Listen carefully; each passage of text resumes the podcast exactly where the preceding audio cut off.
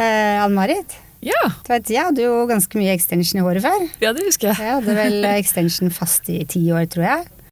Og så jobba jeg i en salong på Frogner, og jeg var kjempefornøyd ja, med extensionen min. Så var det en sommer da, som jeg sto i resepsjonen og ventet på en kunde, og så så jeg utover i salongen der var jentene. Jeg hadde extension 90 av oss. Det var varmt, så vi hadde olaskjørt, og så hadde vi T-skjorter. Så kom det inn en mann, og så så han på oss og sa åh, det er så deilig å komme i den salongen her. Har jeg får følelsen at jeg er på Playboy Mansion. Og så jeg rundt meg, og så tenkte jeg hmm. Men du får liksom følelsen av å være litt ekstra vakker med det håret. Så. Det gjør det, altså.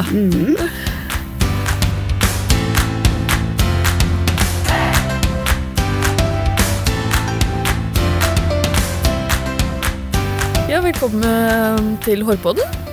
Jeg er Ann-Marit, Jeg er Renate. Og vi har med oss en gjest i dag. Victoria Al Alvad. Ja, Velkommen til oss. takk for det.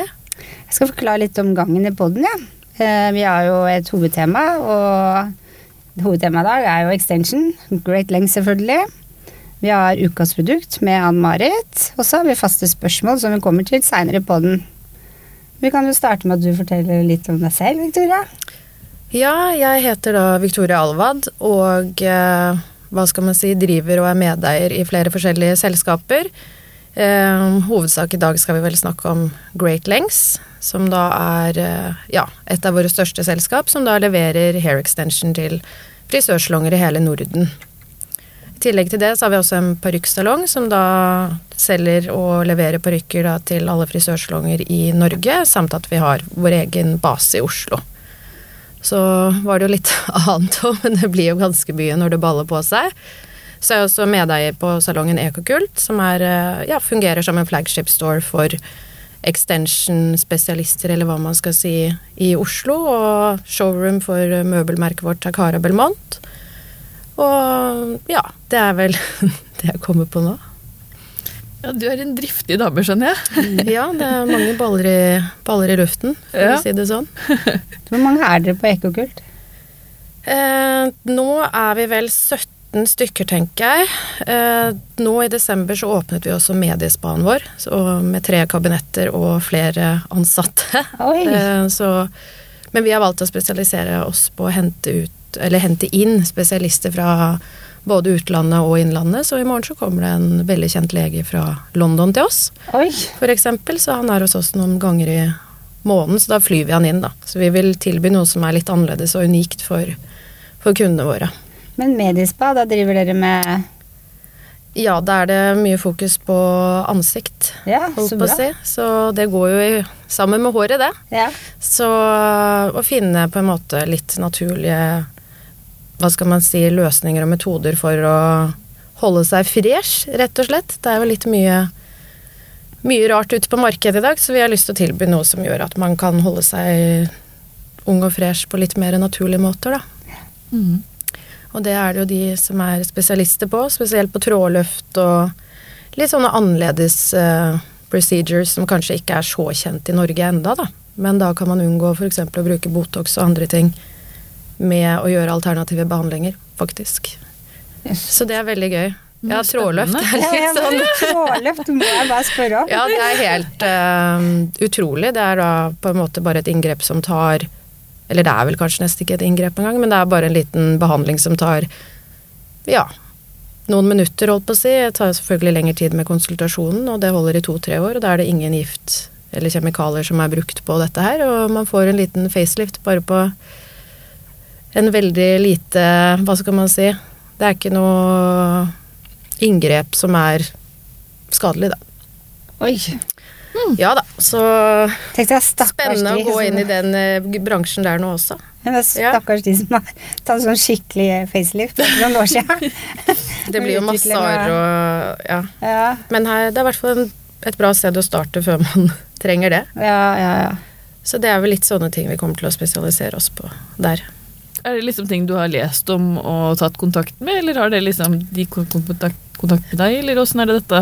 Nei, altså jeg har jo alltid vært uh, over gjennomsnittlig opptatt av uh, skjønnhet generelt, og moren min har jo dratt meg med på messer over hele verden. Min første messe var i Tyskland jeg var ni dager gammel, for å si det sånn. Så jeg har vel sett det meste, og jeg syns nå at vi er på vei inn i en litt feil retning av uh, hva unge jenter i dag velger å gjøre med ansiktet sitt for å holde seg ung, og det fins mange flere naturlige metoder som jeg tror vi ikke kjenner så godt til enda. Eh, i Norge, så vi har valgt å samarbeide da med eh, et selskap eh, som da på en måte hjelper oss med å tilby altså det beste til våre kunder på litt mer naturlige måter, og hente inn ekspertise der. Så det er vel Ja, hvordan kommer det til meg? Det vet jeg ikke helt alltid, men Nei, det er vel Jeg føler at det er en naturlig utvikling, egentlig i vår frisørsalong, som er en veldig makeover-salong, da. Mm. Det er veldig Folk kommer dit for å liksom bli litt nye og føle seg litt freshe og Ja, det er ganske gøy. Folk kommer til oss fra hele landet, faktisk. Det er veldig morsomt. Og ja, det ble bare egentlig en naturlig del å bruke kjelleren til det. Det var kjempebra at dere finner alternativer til ja, som du ja. sier, plastisk kirurgi eller mm. Mm. Botox eller ja. Ja, det blir på en måte non-invasive procedures. og F.eks. peelinger og bare masse ting man kan gjøre for å holde seg fresh. Det er mesoterapi, altså masse morsomme ting, da. Eh, det viktigste for meg er å ha et veldig godt team rundt meg og eh, ha de som er spesialister på sitt, sitt felt. Og så sammen så blir vi veldig, veldig sterke der, da. Mm. Så min jobb på Ekokult eh, er jo kun markedsføring, produktstrategi, altså alt som har med konsept og sånne ting å gjøre. Så har jeg da Bia Tingbjørg som er faglig ansvarlig, og Camilla Eldegard som er daglig leder og medeiere sammen med meg. Eh, sammen så blir vi et lite dreamteam, rett og slett. Det er veldig gøy. Ja, høres sånn ut. Ja. Men hva er historien bak Great Lengths? Er det familiebedrift, eller du snakka om mammaen din og tatt med deg på messer? Ja, det er Jeg er jo da tredje generasjon. Det er, det. det er jeg. Det. Eh, så Jalvad startet jo da en gang på 60-tallet av min bestefar som da het Jarl Alvad. Da ble det Jalvad, rett og slett. Det er mange som ikke tror at det navnet er norskt, men det er faktisk fra Alvdalen. Ja. Så med en J så ble det jo litt mer eksotisk, kanskje. Ja.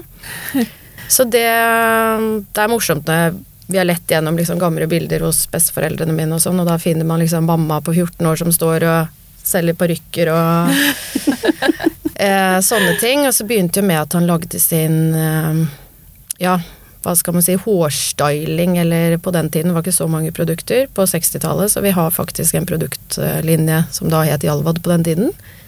Det ble vel ikke noe sånn kjempesuksess, eh, hva jeg forstått. Men så begynte da min mormor og mamma å jobbe sammen, og da er det det vi Du nevnte i sted Move. Det var da Mona og Vera. Nytt Nytt spennende navn. Ja, nytt spennende navn der.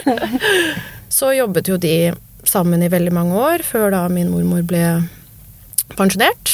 Eh, og eh, ja, mamma har alltid vært den kreative litt eh, Ja, veldig kreativ, kan man si, og oppfinnsom og ja, tatt mye ansvar for kundene i salongen og driften av Great Lengths før jeg da kom inn i bildet. Og jeg var jo da kanskje litt mer som mormor, som da var veldig opptatt av økonomi og eh, administrasjon, rett og slett. Så jeg tar meg av det nå på Great Lengths, kan man si. Mens mamma da er igjen på, på Jalvad og drifter den. Mm. Så dere jobber liksom sammen, dere, da? Ja. Vi jobber sammen, men uh, litt mer separat nå. Som uh, Vi er jo ganske mange ansatte og en god del bedrifter, så da har på en måte Vært deres ansvarsområde, ja. holdt jeg på å si? Ja. Det blir naturlig det at hun skal få lov å slappe litt mer av eh, med årene. Hun har jo jobbet veldig mye. Og oppdratt meg som alenemor, så ja, ja, Hun har jo virkelig stått på, kan man si. Ja, det Med å bygge opp det, det, som jeg nå tar over i dag, da. Ja. Så det er, eh, står det all respekt av. Så ja. Og den historien kjente ikke jeg i det hele tatt. Nei, det var en. Kortversjon. Ja. ja. Jeg, jeg, har vært på kurs hos dere, og det jeg husker mm. best fra mammaen din, var Vi hadde jo gjort litt extension med et annet merke, og da satt vi egentlig bare på den fargen kunden hadde. Ja. Når jeg kom på kurs, så sa Mona til meg at nei, nei, nei, har er flere forskjellige farger, vi klipper opp og Ja. Fikk meg til å tenke at uh, skal jeg ha det lyse festet uti, skal jeg ha det mørkeste, hvordan blender jeg? Så jeg fikk Mm. gjort masse sånn forarbeid så det ble naturlig, da. Ja, absolutt. Og så lærte jeg selvfølgelig hvordan jeg skal ta betalt for det, og det, det gjorde det mye mer morsomt. Ja. Nei, det er vi veldig opptatt av, så alle Altså først og fremst så må man være en frisør for å kunne jobbe med Great Lengths. Det er det samme reglene på over hele verden. Um, og så for å da få begynne å jobbe med det i salongen sin, så må man også da gå på et kurs. For vi er så opptatt av at kvaliteten på vårt produkt er 110% så vi vil jo også selvfølgelig at det skal være det på arbeidet som utføres. Og igjen, det er akkurat samme regler over hele verden. Og det begynte jo selvfølgelig som en liten kamp eh, å få folk inn på to dagers kurs og sånne ting. Men eh, de var jo veldig takknemlige etter de to dagene. For selvfølgelig hadde folk gått på et annet kurs, så var det jo litt mer motstand å få de inn. Og da var jo mamma sånn at hun gjorde med eh, en kunde at hun sa nei, jeg blir ferdig på én dag, og jeg vil ikke betale for å gå på kurs og litt sånne ting. Og så sier mamma ja, hvis du er ferdig på dag nummer én, så bør du ikke komme på dag nummer to og ikke betale for kurset.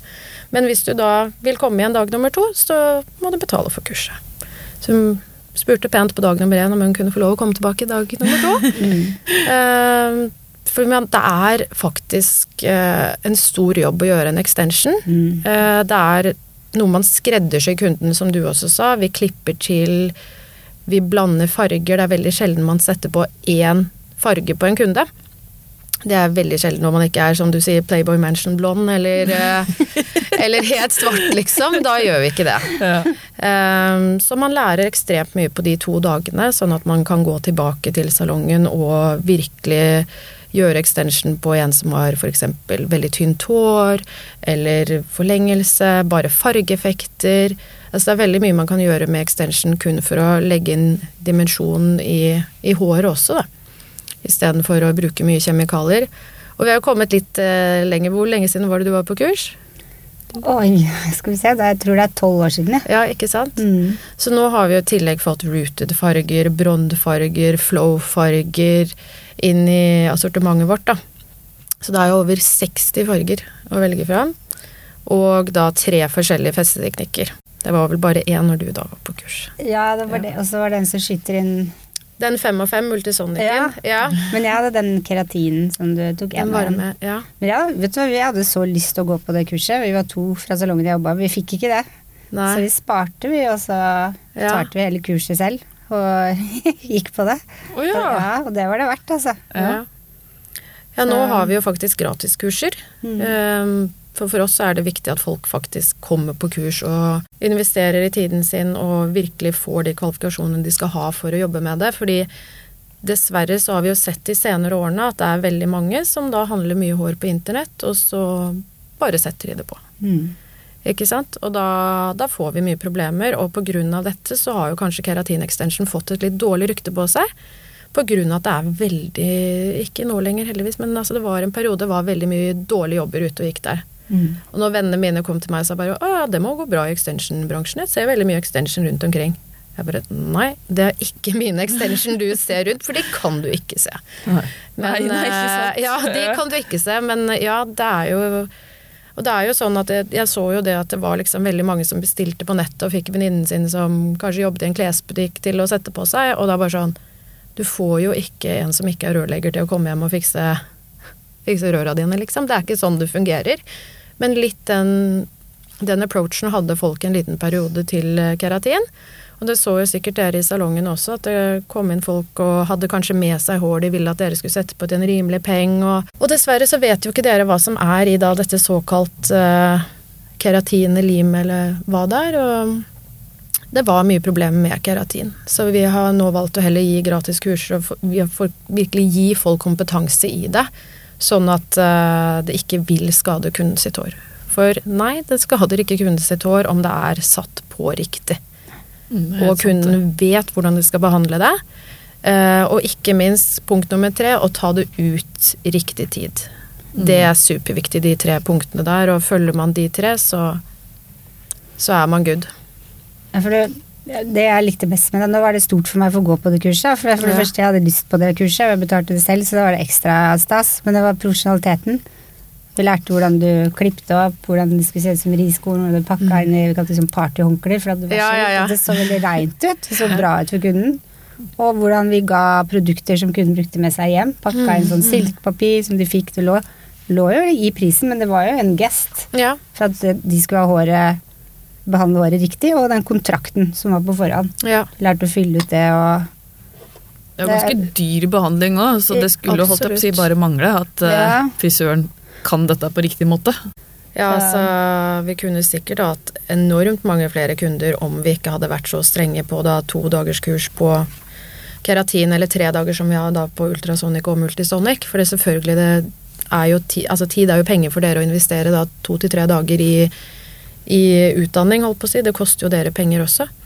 Så Men det har vi alltid vært, hva skal man si, veldig nøye på. Og eh, det har vel gjort at vi har holdt det gode ryktet vårt i nå ca. 27-28 år, tenker jeg der. For det, det, har vi vært like strenge med over hele verden, rett og slett.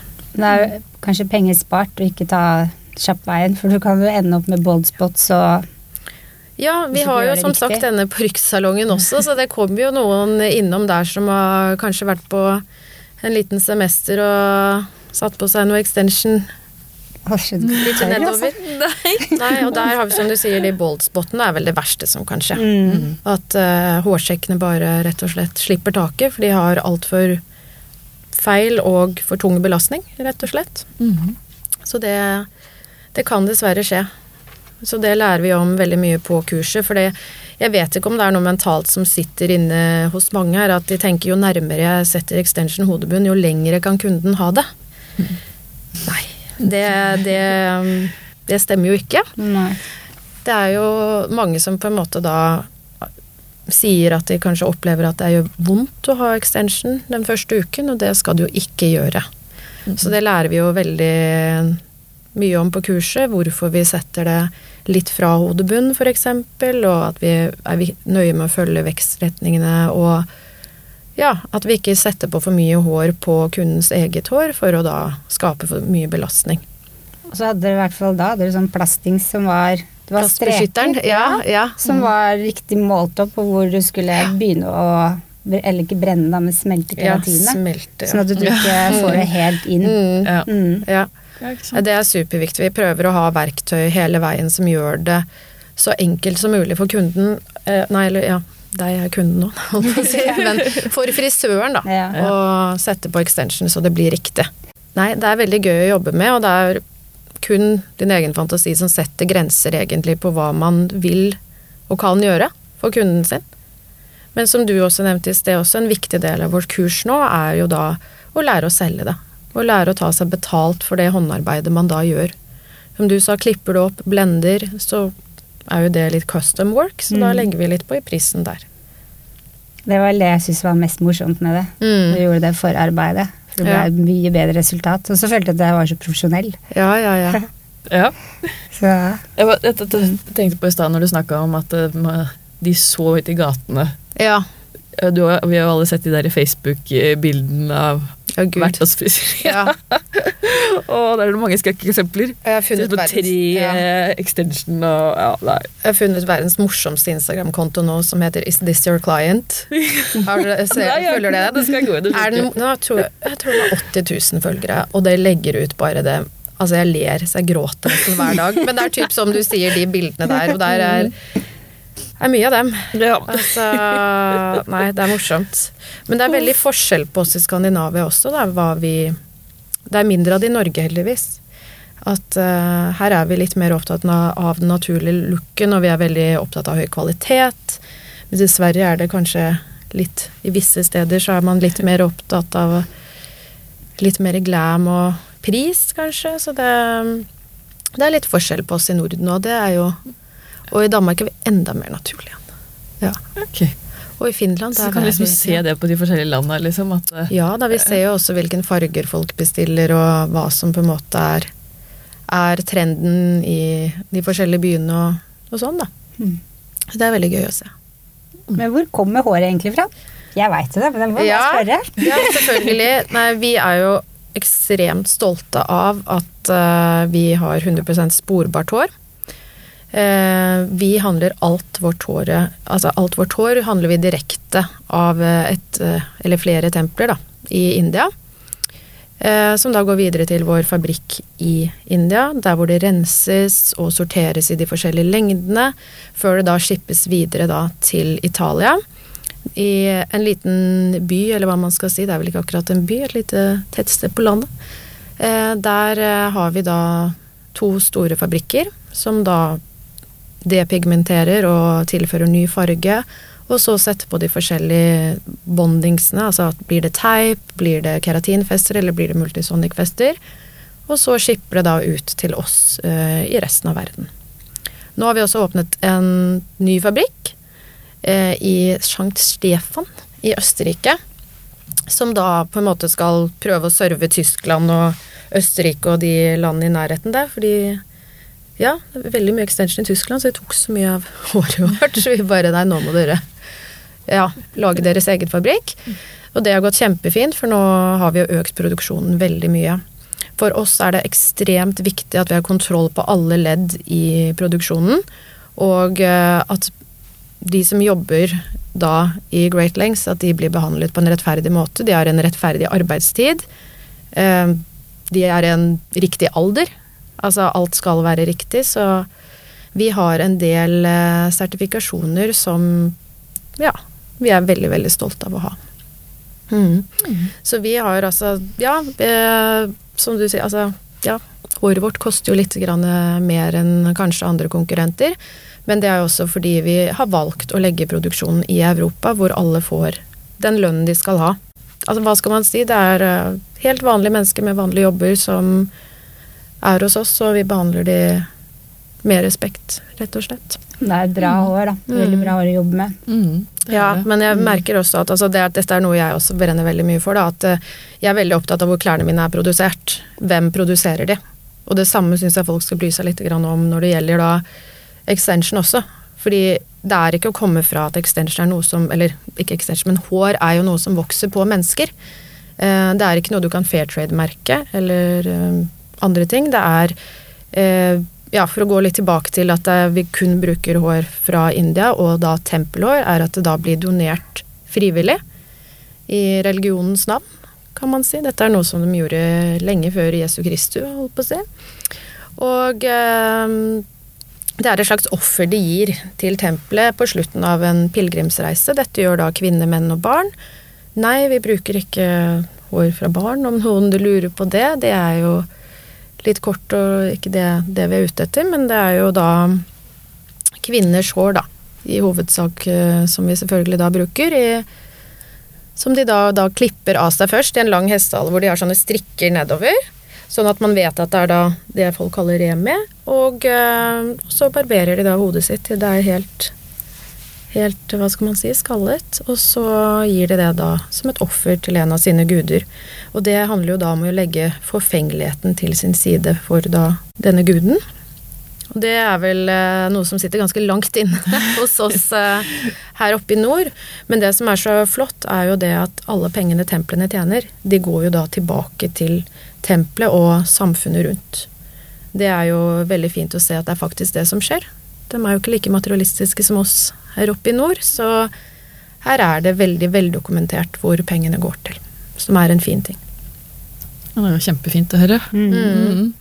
Og f.eks. i høysesongen, da, når de drar på pilegrimsreise, så kan det sitte altså flere hundre barberere klare for å ta imot alle pilegrimsreisende, og de må jo selvfølgelig ha en liten lønn og et sted å bo og mat og sånne ting.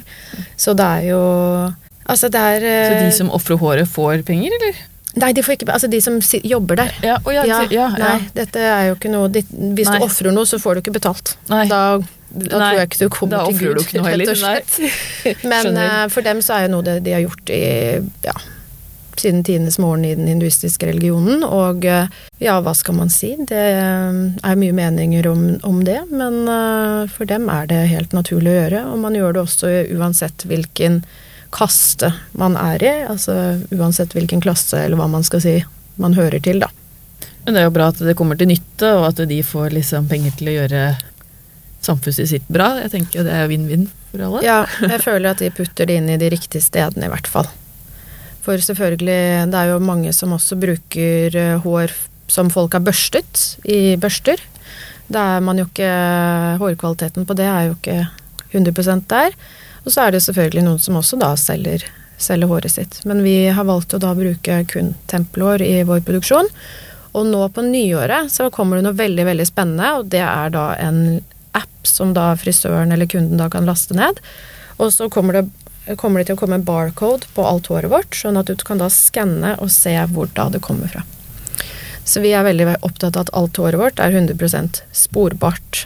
Så det, det gleder jeg meg til å se hvordan alt dette håret skal uh, bli merket, rett og slett. Det blir gøy for lageret, vet du. Ja, ja, ikke sant. Fint den jobben. Men det er veldig gøy å jobbe med, og er, jeg syns det er en fin historie. Og på um, man kan jo se på nettsidene våre også, så har vi laget et lite hjul, og da står det på en måte Det blir donert frivillig, det går videre til vår fabrikk i India, videre til vår fabrikk i da Italia eller Østerrike. Så kommer du da til hovedkontoret, så må frisøren gå på en utdanning. Så er det jo da spesialprodukter til eh, kunden. Og så er det siste leddet som er noe veldig veldig mm, spennende og litt sånn full circle moment. Eh, det er da at eh, når man er ferdig med å bruke keratin extension da etter fem-seks måneder, så når man tar det ut og da fletter det sammen i en liten bunt, så kan man sende det tilbake til oss. Og så donerer vi da håret til noe som heter Little Princess Trust, eh, som er en organisasjon som er i England. De lager da parykker til barn som mistet håret sitt pga. kreft eller sykdom. Eh, så vi samarbeider da med Great Lengths UK med dette prosjektet, da. Wow. Ja. Mm. Det var skikkelig fint. Ja, da blir sirkelen komplett, rett og slett. Ja. ja. Så det sier jo også en god del om vår hårkvalitet. Uh, at uh, ja, det kan, kan leve, igjen, liksom. leve ja. en gang til, mm. rett og slett. Fordi det er jo Gåsehud, da. Ja, jeg gjorde det. Altså. Det var skikkelig fint å høre. For du vet jo det, Renate, når du liksom tar ut keratin, så blir du litt sånn lei deg. Mm. For det er så fint, det håret. Og så blir det sånn mm. åh. Vi har jo altså sånn så Ja, da gikk det jo i søppelen. Og så mm. nå kan man faktisk få brukt det en ja. gang til. Ja. For vi er jo så utrolig heldige, vi som bor i Skandinavia. fordi er man under 18 år, så får man det man eh, vil ha så, eller det man trenger, så å si, til å få en parykk eller to i året. Uh, og i England så får man bare rundt 100 pund, faktisk. Så, og, og, England er ikke bare London, for å si det sånn. Mm. Så det er veldig hyggelig for oss å kunne bidra på den, på den måten. Ja, vel helt satt ut, Jeg gjorde det sjøl, det. Eh, vi pleier å stå og si at det er færre som tar extension. For det er sikkert fordi du gjør det sjeldnere selv nå. Mm. Men er det en myte, eller er det sant? Hvis jeg ser på tallene, så er det vel en myte. Mm. For vi er jo i stadig vekst uh, hvert år. Men jeg tror det at uh, Ja, sånn på 90-tallet, 2000, så var det som du sier uh, ja, da går vi inn på Playboy Mansion igjen. Det var, Vi merker jo det f.eks. bestselgerfargene våre var jo de gylne, blonde. Det var veldig mye hår, eh, kan man si. Mens nå står jo dem ganske så stille. Vi kan jo også takke herr Olaplex for dette her. At uh, vi nå kan gå kaldere, mer sandy blonde og sånne ting. Og jeg tror folk går veldig mye for litt mer naturlig looks, rett og mm. slett. Men det som er I dag så forandrer jo unge jenter, og litt mer voksne damer også, looken sin veldig mye mer enn før. Mm. Syns dere ikke det? I salongen? Eh, jo, jeg ser ja. spesielt på datteren min. ja, Men her går det jo fra kort til langt. eh, mm. ja, ofte. Det gjør det. Så vi har jo veldig mange av de som har gått fra kort, og så vil de ha langt igjen. Og så er det en annen farge, og så er det liksom Det er noe Det er mye forandring, og det syns jeg er veldig gøy. Mm. Det er det. Og så merker vi jo nå Ja, nå faktisk mot eh, høsten òg, så er det mange flere som har valgt å beholde seg eh, blonde, faktisk. Vanligvis så går vi mot mørkere, så det er jo veldig gøy å se på trendene hvordan, hvordan fargene forandrer seg. Og, men det går ikke ned, men vi, eh, vi ser fargeforandring. Er det Bajalasj-effekten? Vi ja, er blondere lenger? Vi er blondere lengre nå. Tydeligvis i år så var det har blitt veldig mye mer enn i fjor, f.eks., som er gøy. Mm. Men eh, nei, vi ser jo det at det er veldig mye kalde sandfarger som holder seg. Så de 60-fargene som er det nyeste tilskuddet til familien vår, de, de går som bare det. Mens da 23 og 27, gamle bestselgerne der, de Du bare Oi, det var fargekodene mine. Ja. Ja. Det var faktisk det. Ja, det var. Jeg tenkte meg det. Og, men selvfølgelig, 59-eren er jo fortsatt eh, Ja, den er eh, vår lille gull, for å si det sånn. Den er fortsatt like, like populær, altså. Mm. Mm. Hva er mest skånsomt av keratinfester og typefester? Ikke sant. Der fikk vi det, der kom vi litt tilbake på det vi var inne på i begynnelsen med at her handler det veldig mye om den som setter på extension, egentlig, med keratin, og det at det har fått litt dårlig rykte. For dette er et spørsmål jeg får så å si daglig. Hva er mest skånsomt? Jeg vil absolutt si at begge metoder er like skånsomt så lenge det blir satt på av en dyktig frisør. Og igjen til de tre stegene, at man da setter det på riktig, riktig avstand. Eh, selvfølgelig med keratin så er det jo noe som er i håret mye lenger. Det er jo der eh, fra fire til seks måneder, så selvfølgelig her krever jo at kunden din er flink til å ta vare på håret. Eh, eller så vet jo du Renate godt, og du også, at det, liksom, da kan det bli litt eh, mye floker og sånn hvis ikke kunden er god på å ta vare på det. Så det jeg sier alltid til frisørene mine på kurs, er ok, hvor mye penger, altså hvor, hvilken pris tar man for å ta det av? Da tar du timespris sånn på klipp, og jo flinkere du har vært til å gredde deg, jo kortere tid tar det. Det er en inspirerende liten setning til, eh, til kunden i stolen, rett og slett. Og ja, og selvfølgelig bruke riktige pleieprodukter til å ta vare på det. Det gjelder både teip og keratin. Men ja, eh, det blir vanskelig å svare på det, dessverre. Så jeg syns at Altså, jeg har jo kjempetjukt hår og hatt keratinextension i ja, jeg veit ikke, 15 år on and off i hvert fall. Og eh, jeg har jo like tjukt hår. Rett og slett. Ja. Hva skal, vi, hva skal vi si? Hva tenker dere om det? tenker er den grenga. Grenga, sove med flette, for noen av Mm. mine kunder i hvert fall. Ja. Men det er det når de ikke grer, og de får de dreadsene, da blir jeg litt oppgitt. Så jeg tenker ja. Imellom hver, Ja, liksom. Åh, Hvorfor ikke ta vare på noe du betaler så mye for? Og hvorfor skal man sitte og rive og fester og skade et hår du ikke trengte å skade, egentlig? Sånn, Men, det er ja. veldig rart. mm. Men vi har jo videreutviklet keratinet litt grann eh, også, øh, og da har vi en maskin som heter Multisonic. Eh, og det som det, den da gjør, det er en kam som deler inn for deg, og så legger du på fem halve fester under og over, tar bort kammen, da sitter det igjen på klistremerker. Så tar man på en liten hendel og smelter da fem fester på seks sekunder. Oi. Det denne kammen har gjort, er at den deler inn små firkanter, og den smelter under og over. Så det som er at den vokser, altså festene vokser ut rett ned, og vil ikke tvinne seg. Så de vokser rett ned med hårets vekstretning og vil nesten ikke få noen floker. For ofte det som er med, med keratinextension, er at øh, vi er mennesker når vi setter på. Vi kan pakke de litt for mye til høyre, litt for mye til venstre, og surre de litt for mye, sånn at de kan vokse ut med en liten spiral. For det er jo det som også er med på å hjelpe til å få litt dreads.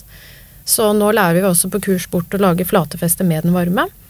Eller med den kalde, så man kan liksom lage sin kunstig multisonic eh, maskin, eller hva man skal si, at man liksom lager noe som matcher det. Så det er veldig gøy at vi også er med å utvikle oss og prøve å gjøre også keratin enda mer skånsomt, rett og slett for, for kunden. Uten rom for menneskelig feil. Ja, For det husker jeg at jeg lærte på kurs. Det Mhm. var det å ta ut Så det altså, Var det en V eller U nei, på din det var, tid? eh, var Firkant, En, nei, en firkant. Ja, det var det. For da fikk du altså. et jevnt uh, belastningspunkt Ja. på året. Mm. Så når jeg snakker med kolleger som har vært på andre steder på kurs, så lager det ut da en trekant. Mm.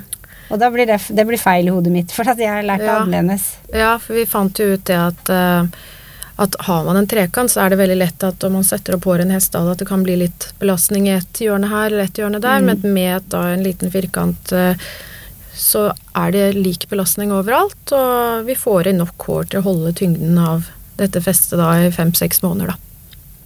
Man kan også jobbe veldig tett inntil hverandre, som er veldig bra. Mm. Mm. Få plass til flere. Få plass til flere. Nå ser vi jo England, jeg er jo litt sjalu på dem, da, fordi at der har de jo mange, mange kunder som da skal ha 200 fester og sånn. Her er vi mer sånn California Vibe, vibe Girls med 125 til 150, da. Det er det de fleste pleier å ta.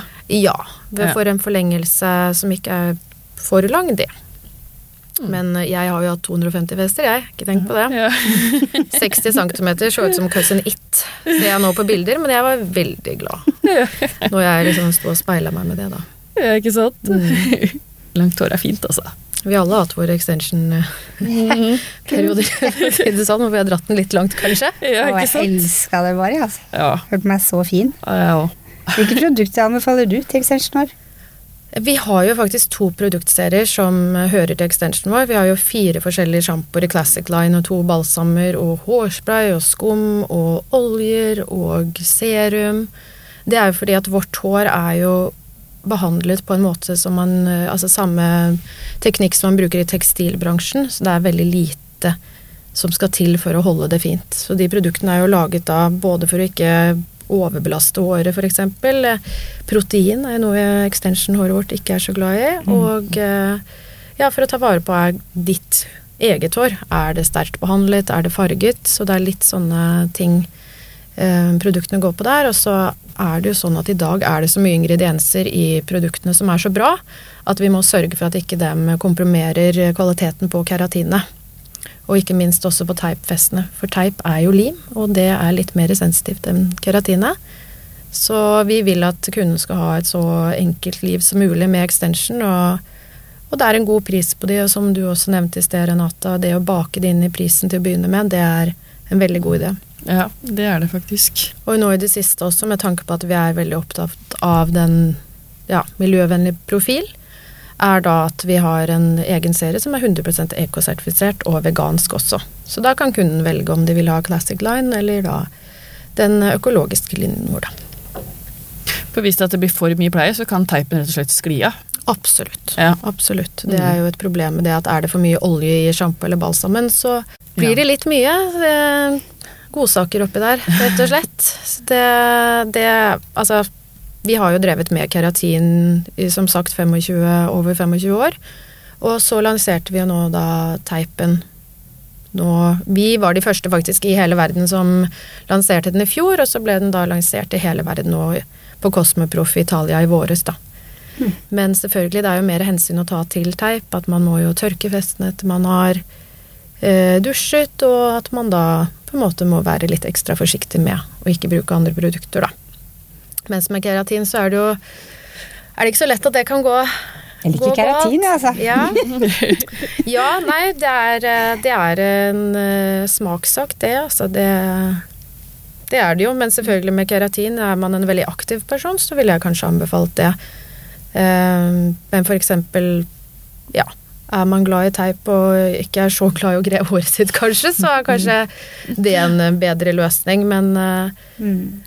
Nei, jeg er jo en multisonic-jente, jeg, da. Det må jeg si. Ja.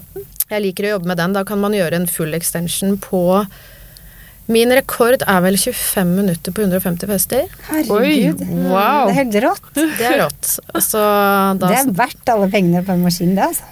Ja, absolutt. Vi ser jo det at veldig mange salonger som ligger på kjøpesentre eller i handlegater, ja. de har valgt å investere i multisonic-maskinen, da. Mm. Da kan man jo liksom gjøre tre jobber på tiden av tiden av én. Mm. Ja. Og så er det gøy hele veien, for det å lage disse utrolige fargespillene med å legge én farge under og én over, det Da får du plutselig dobbel farge-range, rett og slett. Ja. Det vil jo mm. betale seg inn, for den ja, maskinen vil jo betale seg inn ganske fort. Sånn. Absolutt. Ja. Og så er det det som er gøy når det går litt fortere, da. For det ja. er jo drøyt noen ganger å sitte seks timer sammen med kunden og gni hår. ja, da, det stemmer det. Jeg er veldig glad for at folk har Netflix på telefonen sin noen ganger. Bare sier, Vær så god, nå kan du se på en liten serie, for nå Hvis man snakker, så bruker man jo lengre tid. Så jeg er bare sånn ok, nå må vi holde tiden. Mm. Jeg er jo ganske glad i å skravle, så da kan det fort skli ut med ja. for historier. Kjenner til den der. ja. Da har vi kommet ut av ukas produkt. Ja. Uh, og det er Moisture Recovery Treatment Balm, altså en hårkur. Uh, som gir fukt til håret. Gjør det elastisk, myke skjellaget og gir glans. Sjampo først, og så klemme ut så mye vann du kan. Og ta inn kuren, la den virke i fem minutter, og skylle ut. Og den er såpass lav på pH-en at du trenger ikke balsam etterpå. Sparer tid. Men den er for grovt hår, så pass på at de tynne, tynneste håra de Det blir for tungt. Det blir for tungt, ja. Ja. Men det, det som er så bra med det, er at du får sånn umiddelbar effekt. Du merker at det, det blir mykt og glatt. Så det er ukas anbefaling. ja. Så har vi ukas spørsmål, da. Hva er dine hårrutiner, Victoria? Ja, mine hårrutiner. Jeg vil vel si at, eh, som dere kanskje merket i dag, dessverre, så går dette livet mitt litt sånn fort. Eh, så jeg forsøker å ta en keratinbehandling på håret mitt annenhver måned. Sånn at det er lett å ha med å gjøre på mitt eget. Og så ja. Har du extension, da? Eh, akkurat nå så har jeg bare litt sånn rosa lilla på denne siden Ja, jeg har her. sett på den flere ganger. Ja, nei, jeg er jo, som dere vet, eh, sistemann ut er man jo selv. Ja. Så jeg planlegger å bli litt lysere og få litt lengre hår eh, før nyttår. om Det er fysisk mulig å få til. Men jeg må vel si at å bruke en god sjampo og balsam er viktig for meg, og et lite serum, så er jeg egentlig good to go. Eller så må jeg jo innrømme det at eh, jeg er god til å snike meg inn mellom fargebehandlingene til frisørene mine og få litt sånn deilig kur og hodebunnsmassasje. Hva er det verste med å gå til frisøren? Eller være frisør? Jeg må si det at uh, å gå fra bare være leverandør til å være salongeier syns jeg er så gøy, så jeg tror ikke jeg har funnet noe negativt. Jeg føler at jeg blomstrer og spirer med å være i et salongmiljø og sammen med gode kollegaer, og ikke minst det møte kundene og se hva de vil ha. Og ja, hva etterspørselen egentlig er. Det har gjort at jeg har vært flinkere til å utvikle egne farger for Great Lengths og ja, være mer til stede og ja. Nei, jeg kan ikke Jeg har ikke kommet dit enda. Spør meg igjen om ti år, så kanskje jeg, kanskje jeg har noe. Hvem vet. Jeg tror ikke det. Tror du kommer til å være fornøyd. jeg. Ja, jeg liker jo når det er mye som skjer, jeg, da. Selv Ja. om eh, Ja, nå skal vi åpne en Ekokult nummer to i Stockholm, så det Wow. blir jo veldig gøy, det også. Så får vi se. Det kommer vel nummer tre etter hvert også. Det, det er gøy når man finner det man virkelig brenner for. eh, Etter mange år i bransjen så er det gøy å være litt levende miljø, og ikke bare på kontor også. Mm. Ja, da var vi ved veis ende, da. Takk for at du kom til oss. Tusen takk for meg, det var veldig gøy.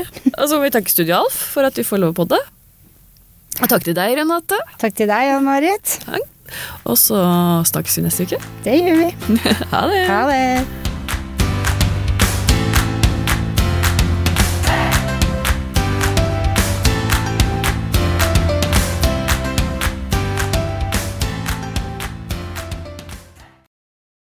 Har du et enkeltpersonforetak eller en liten bedrift? Da er du sikkert lei av å høre meg snakke om hvor enkelt det er med kvitteringer og bilag i fiken, så vi eh, gir oss her, vi. Fordi vi liker enkelt. Fiken superenkelt regnskap.